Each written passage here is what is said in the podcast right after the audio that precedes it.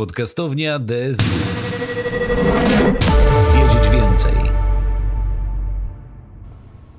Hello, dear adventurers! I'm glad to welcome you at the podcast zone at DSW University. Today, uh, we will talk about emotional design as a new development path for mobile games. Is it really existing, or is it just a kind of uh, idealistic impression? Let's investigate it. We are not logical, we are emotional. That's what Donald E. Norman, the specialist of cognitive psychology and modern design, uh, along with its application in human interaction, says. Norman seemingly uh, states that uh, some intriguing guidance for design of objects and elements uh, we use every day. As we are not rational beings as humans, simple and obvious solutions, no matter how useful, uh, will not always and not fully meet with our approval. Probably you know such type of examples from your own life. With us being emotional, uh, there is something more that guides our perception. I mean, a complicated element uh, that is frequently uh, idiosyncratic, given as the intensity of the consequences of emotion will differ from one human being to next. Mm. Donald E. Norman, who passed uh, as a vice president of Apple, is far from irrelevant in this context of application of his observations. Release relies uh, on the fact that the human brain compares a part that is responsible for rational thinking, the so called cognitive part, and the part tasked with emotional thinking and responding uh, to stimuli. You know, the so called emotional part, let's say. Uh, the latter of which consists in assigning corresponding values to all that we experience. He goes on to divide human emotion into three important types. First, visceral. These are automated and inborn emotions such as our liking of something that is sweet and contrasting dislike for bitter tastes. Behavioral. I mean, connected with how we behave. Uh, these are our processes of learning how to use something and how to use something at all. And reflective. This is the human propensity to think about the past for the future and judge what was what has happened or has yet to happen. These are three types of emotion building up for emotional intelligence, having exponentially greater impact on our preference that cognitive intelligence does. You know, for design, this assumption touches the uh, on the very core of the problem. In Norman's opinion, we made up of emotions capable of accepting a strong impact on our biology and well being. Thus, to a human being, emotional intelligence is a key. No thanks to it, uh, in just about everything we uh, subconsciously look for history and some form of tale, even a micro or residual form. This is attested by our uh, by our habitual attachment to certain things. Even heavily worn and damaged, but still carrying emotional value attributed to it directly by ourselves. Uh, of course, on the basis of the same event or same history. Here, human emotional memory activates itself as a stimulus for the incentive to go back to, to that which is pleasant and which we associate with positive emotional value. In one way, of course, one should bear in mind the broader uh, context of uh, Norman statements. Uh, an example, his postulate of an increased understanding of the category of utility. Guys, this category is associated not only with the practical application to the designed thing, but also with the understanding as useful um, of exactly what brings joy and happiness to people. That's something which which is important for us when we want to create games, create animations, movies, or in fact we uh, we are working on designing something which can uh, can be uh, produced for people, for our let's say clients. Uh, according to this, we can say that uh, Norman emphasized the extremely current postulate of holistic design in such a way in such a way uh, as to arouse the user's involvement in everything. And these are the key assumptions, cornerstone of the current paradigm of marketing and distribution of the products of the cultural recycling that characterize modern popular culture. Yes, if you watch Mandalorian or other uh, series from long-term franchises, you exactly know what I mean. This is evidenced by the numerous remasters, remakes, and license refreshes, refreshes allowing uh, for sentimental returns after many years. That is showing something important to one generation to another. In practice, this is often a strategy for once again selling the same product. Uh, you know, numerous design practices in creative industries, including video games and the relatively new space for mobile games, are currently predicted on similar principles. Um, Norman somehow suggests us that since our recipient customer is an emotional entity, the creators should take emotions and emotionality in general into account in the creation process. While the developers of the computer and console games has relied on this assumption for some time already, the practice, in fact, is not accidentally popular uh, when we talk about mobile game systems. This is something a little bit, a little bit new. The later, the latter is currently beginning to change due to specifically of the market and the resulting consequences. Mobile games market uh, a global mass audience of is a global mass of uh, um, audience of players, and the assumption there is uh, to get as many downloads as you can in the free to play model, along with uh, the effective monetization as possible. I mean, so as to turn the game into a source of passive income for its creators. This is what becomes a key, key aspect for today's mobile production one usually achieved by microtransaction inside the game or ads displayed during playtime. Considering the enormity of competition for user attention in the market, developers must look for new ways of sustain interest. Emotional design, sometimes referred as an emotional engineering, is one of such ways. Uh, and I think that the main assumption in this practice is the focus of a focus on intensifying and stimulating the gamer's perception by addressing his or her emotionality, which is a further perspective allows impacting the game's emotional memory, which as a turn is going to support retention and enable the attachment and sentiment followed by the gamer to be leveraged for effective monetization. In practice, however, the impact elaborated on uh, uh, elaborated in many scientific articles um, can refer to all types of emotions, which I mentioned previously. Uh, as the reception of the various contents may differ from the individual uh, and for global understanding of, of gamers.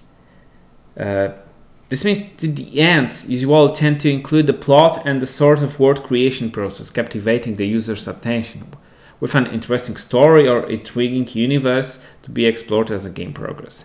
Simultaneously, uh, the principle uh, underlying emotional design as a practice of creation and thought process is to excite and stimulate the game's attention by uh, inducing an emotional attitude to the situation that initiates the gameplay.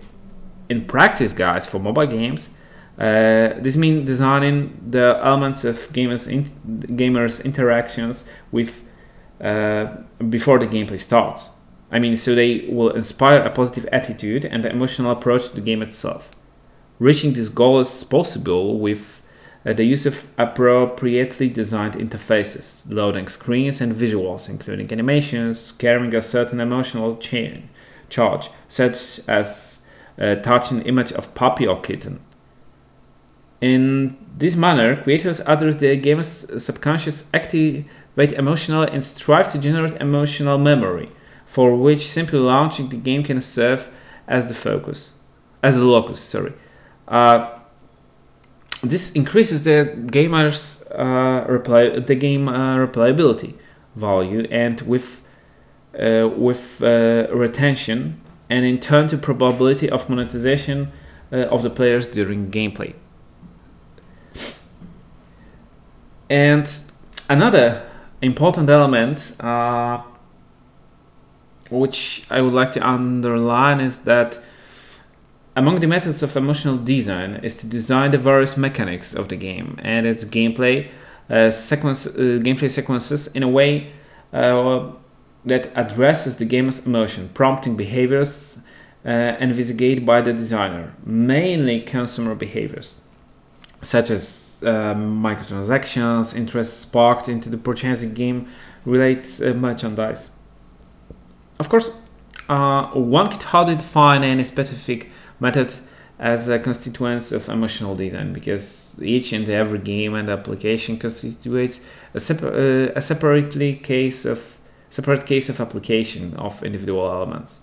What is of paramount importance, however, is how a given method is used and whatever it can hope to carry emotional potential in application to its predefined audience. Here, emotional design clarify intersects with business practices uh, where any product, in order that its appropriate strategy could be developed for its sales and marketing, has to have a specific defined audience. Once the latter is done, uh, it becomes possible to select uh, appropriate methods and contents to meet the desired goal. One incredibly often used device is the so called emotional plot anchor, using contents that will make the depicted situation excite for spectators emotionally emotionality by first sparking curiosity and then over time also building an emotional attachment to one of these characters meeting a succession of essential demands placed on the game and its gameplay. And with it in the case of mobile games of course uh, effective monetization thus becomes possible without discouraging gamers from gaming. As you know, and as I often uh, say, video games, also including mobile games, is a kind of an investment of our time, emotions, and money. Okay, uh, but somehow it could seem that uh, overarching purpose of emotional design is first and foremost uh, to smartly deceive the player and uh, conceal the fact that in playing the relevant production, uh, her or uh, or uh, he brings benefits to the creators and submits to a process of being softened up to microtransaction or other forms of monetization. From a distribution point of view, yes, emotional design does in fact constitute an effective tool for getting as much profit as, pos- as possible from the various individual players. However, one has to remember that this is a primarily a practice of creating and designing textual layouts and gameplay, form that enrich and deepen the experience lived by the player. Uh, somehow, uh, in embarking a, a more in-depth analysis of emotional design, it becomes necessary to distinguish, alongside the previously identified practices, uh, also two types of creator activity uh, of uh, creator activity mentioned increasingly often in game design context. Uh, those practices are based on the assumption that a video game, as a creative work, is up to constitute a space for ethical reflection or even entire ethical systems. And this that it can engage the player's morality given appropriate gameplay design. This stems from the fact that gameplay can act as a situation specifically generated for the gamer in which the latter can explore, in safe conditions, of course, his or, or her personality that manifests itself uh, in his or her playing style and choices they made. Practices based on this assumption are called moral design and ethical design. Uh, the former refers to designing a system of moral choices in the game, delivered, for example, as a dialogue options to select from the opportunity to deceive a favor of or against intervening, uh, intervening in a conflict situation. You know, however, player engagement contributing to satisfactory gameplay is a necessary precondition of it for this. Uh, somehow, uh, game creators uh, sometimes represent morality as an option to make a binary decision. These are only two extremes to choose from, such as to help someone or not, defeat an evil sorcerer or spare him. The motivation behind is that the resulting system, uh, a resulting simple system, often acts as a catalyst of subsequent events in, in video game, rather than a realistic platform for moral reflection. In such cases, it becomes uh, merely a form of staffage, not necessarily product, uh, procuring the player the player's further engagement. The creation of a compli- uh, complicated moral system, in turn, uh, on that could provide in-game representation for the many diverse aspect of a problem, uh, hangs on the creation of a credible character, uh, along with the appropriate and intelligent context, such as personal history, as well uh, as in demonstrating that the player's choices do actually have some form of impact on the gameplay, on the game world. Um, but somehow, this ethical design, uh, on the other hand, is something more closely integrated with the core of the gameplay and its roles. Uh, namely, uh, it's in a gameplay creation system based on the player's choices underpinned by ethical dilemmas often not directly involving the protagonist. Uh, I mean, for example, moral design by contrast, in such closely linked uh, to him or her. The important problem here is for the developers to decide as a method for balancing the system appropriately, or perhaps decide to abandon the idea altogether, uh, leaving the game with free spaces for creative exploration of the game along with all the possibilities it brings. Uh, and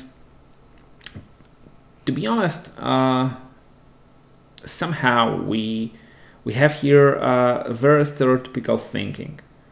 Uh, when we think about video games as a ludic medium and perhaps taking difficult decision as a basis, often ones involving, an example, the sacrifice of one character so that others could live, is not really compatible with the nature of game as an entertainment.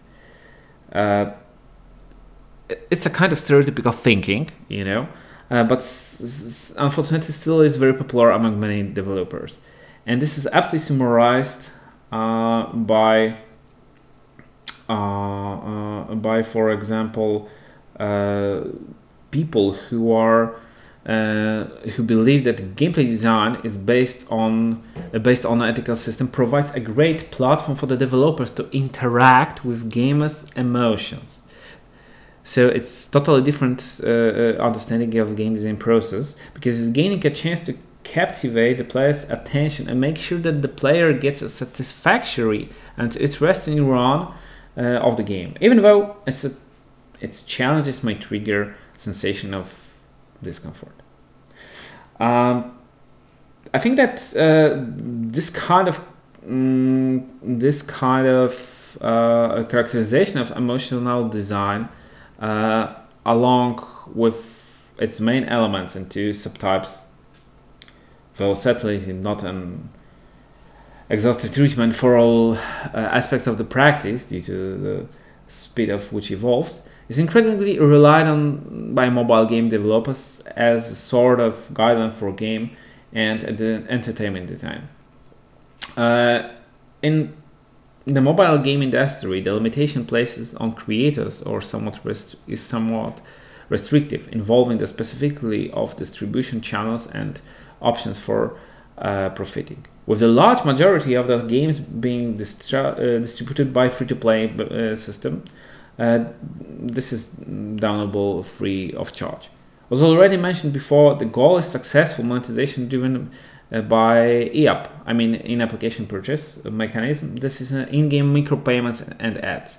The elements, however, must be appropriately optimized, so uh, as not only not to discourage the gamer, but also not to interfere with the quality of the game uh, or the entertainment it, which it brings. How could emotional design, therefore, be a tool for monetization along with directly associated retention? That is the player's regular coming to the game. The key here um, is the very purpose of the design practice, which is to capture the player's attention.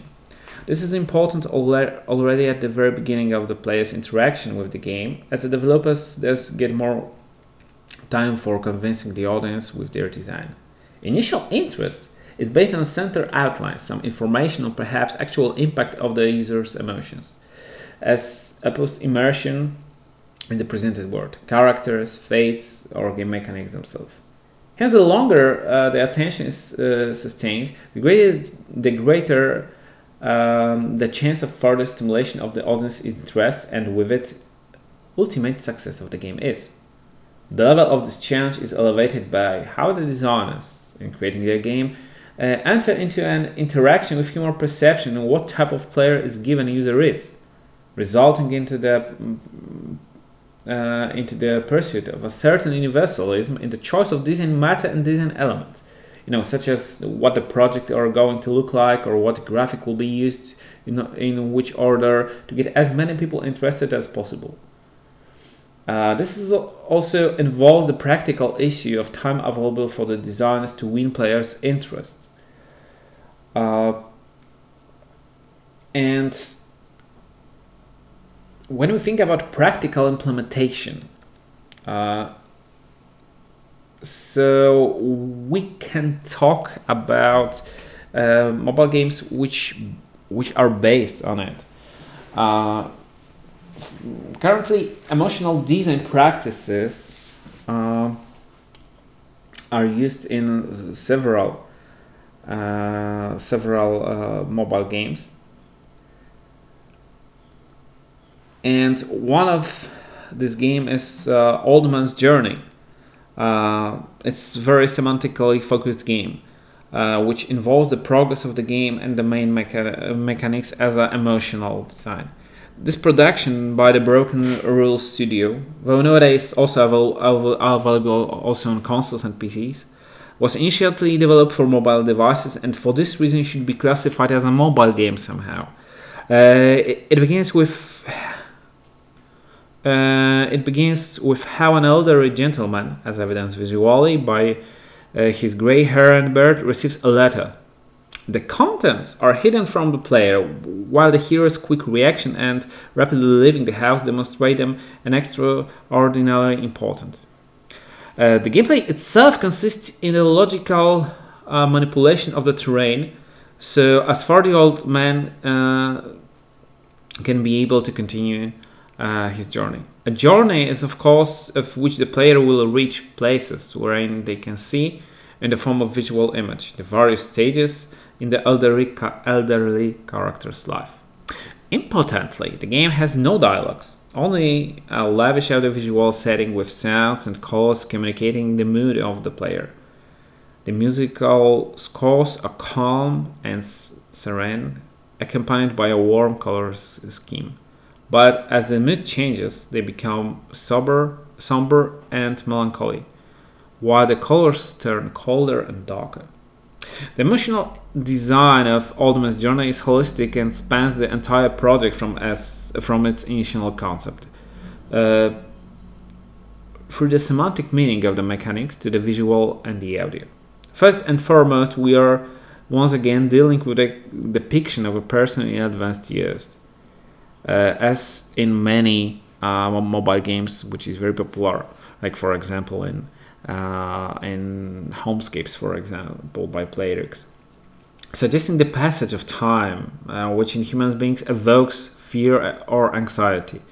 Uh, due to this, the game's mechanic, the game's mechanic that consists in joining together elevations so that the elderly gentleman can move acquires in deeper meaning. In its helping a senior person, traveler, or something like that, judging by pre- prevalent mood of the game, may well be his last journey. With this signalizing the meta meta uh, game of this production builds up emotional engagement of an intensity growing as the game progresses. So this is a primarily because we discover the purpose. The great gentleman is traveling to meet his loved ones, while the interactive surroundings in this form of hills combined with music and colors create a poignant audiovisual narration, replete with associ- associations with the road movie genre, as indicates uh, also the duration of the gameplay. Uh, it is about half a game, half an half an hour, something like that. But everything concentrates, however, on the convention of childhood tale as the users watch the most scenes dating back to just to just that stage in the protagonist's life. Again, therefore, the entire production reinforces the awareness of the uh, inevitability of passing and its intent to provoke reflection. This is also facilitated by the visuals evoking a book for children, which is contrasted in the game's uh, series theme. The reflection can be achieved for sustained player attention. It's not written into the game system, the letters being a closed plot hole, uh, plot uh, hole, rather than such as open-ended uh, titles like other mobile games, uh, which is constant post-release development uh, and updates introducing new levels for the player to explore. In case of Old Man's Journey, it's not working like that. Okay, uh, but but to be to be honest, guys, for uh, for mobile games, uh, which employing emotional design as a design method, the most important thing appears to be the creation of the illusory impression that the user is no way to is no way compelled to execute any elements of the gameplay. The purpose of this illusion is no make sure that does not the player does not feel deceived or extended. That is achievable when the game has been designed as a truly to spark curiosity in the players, but also to generate actual attachment. This attachment, along with the picked interest and emotional impact, becomes the most effective basis for successful monetization uh, and Derby contributes for the creation of a business model and developing strategy for the game contests, as well as, of course, PR contests. Yes, we love PRs, we love ads in mobile uh, mobile games. Sometimes those are factors also accounted for in communication uh, with the players, for example, uh, by in-game notification or moderated communication in social media. In practice, this is leveraging for business purpose the fact that, as at the beginning of this podcast, Don Norman says, we are primarily emotional creatures and our emotions can be manifested in a myriad of ways. The goal that mobile game designers has is to generate emotions for the player and manage them so as to achieve the intended goal, both artistic and commercial. Guys, I hope that you have your own experience with mobile games, and I hope that you enjoyed the emotional design, emotional uh, games with emotional potential. So please uh, let me know in the comments. Let me know. Find me on the uh, in the internet, and let's discuss the emotional design as a new path of the design for mobile games.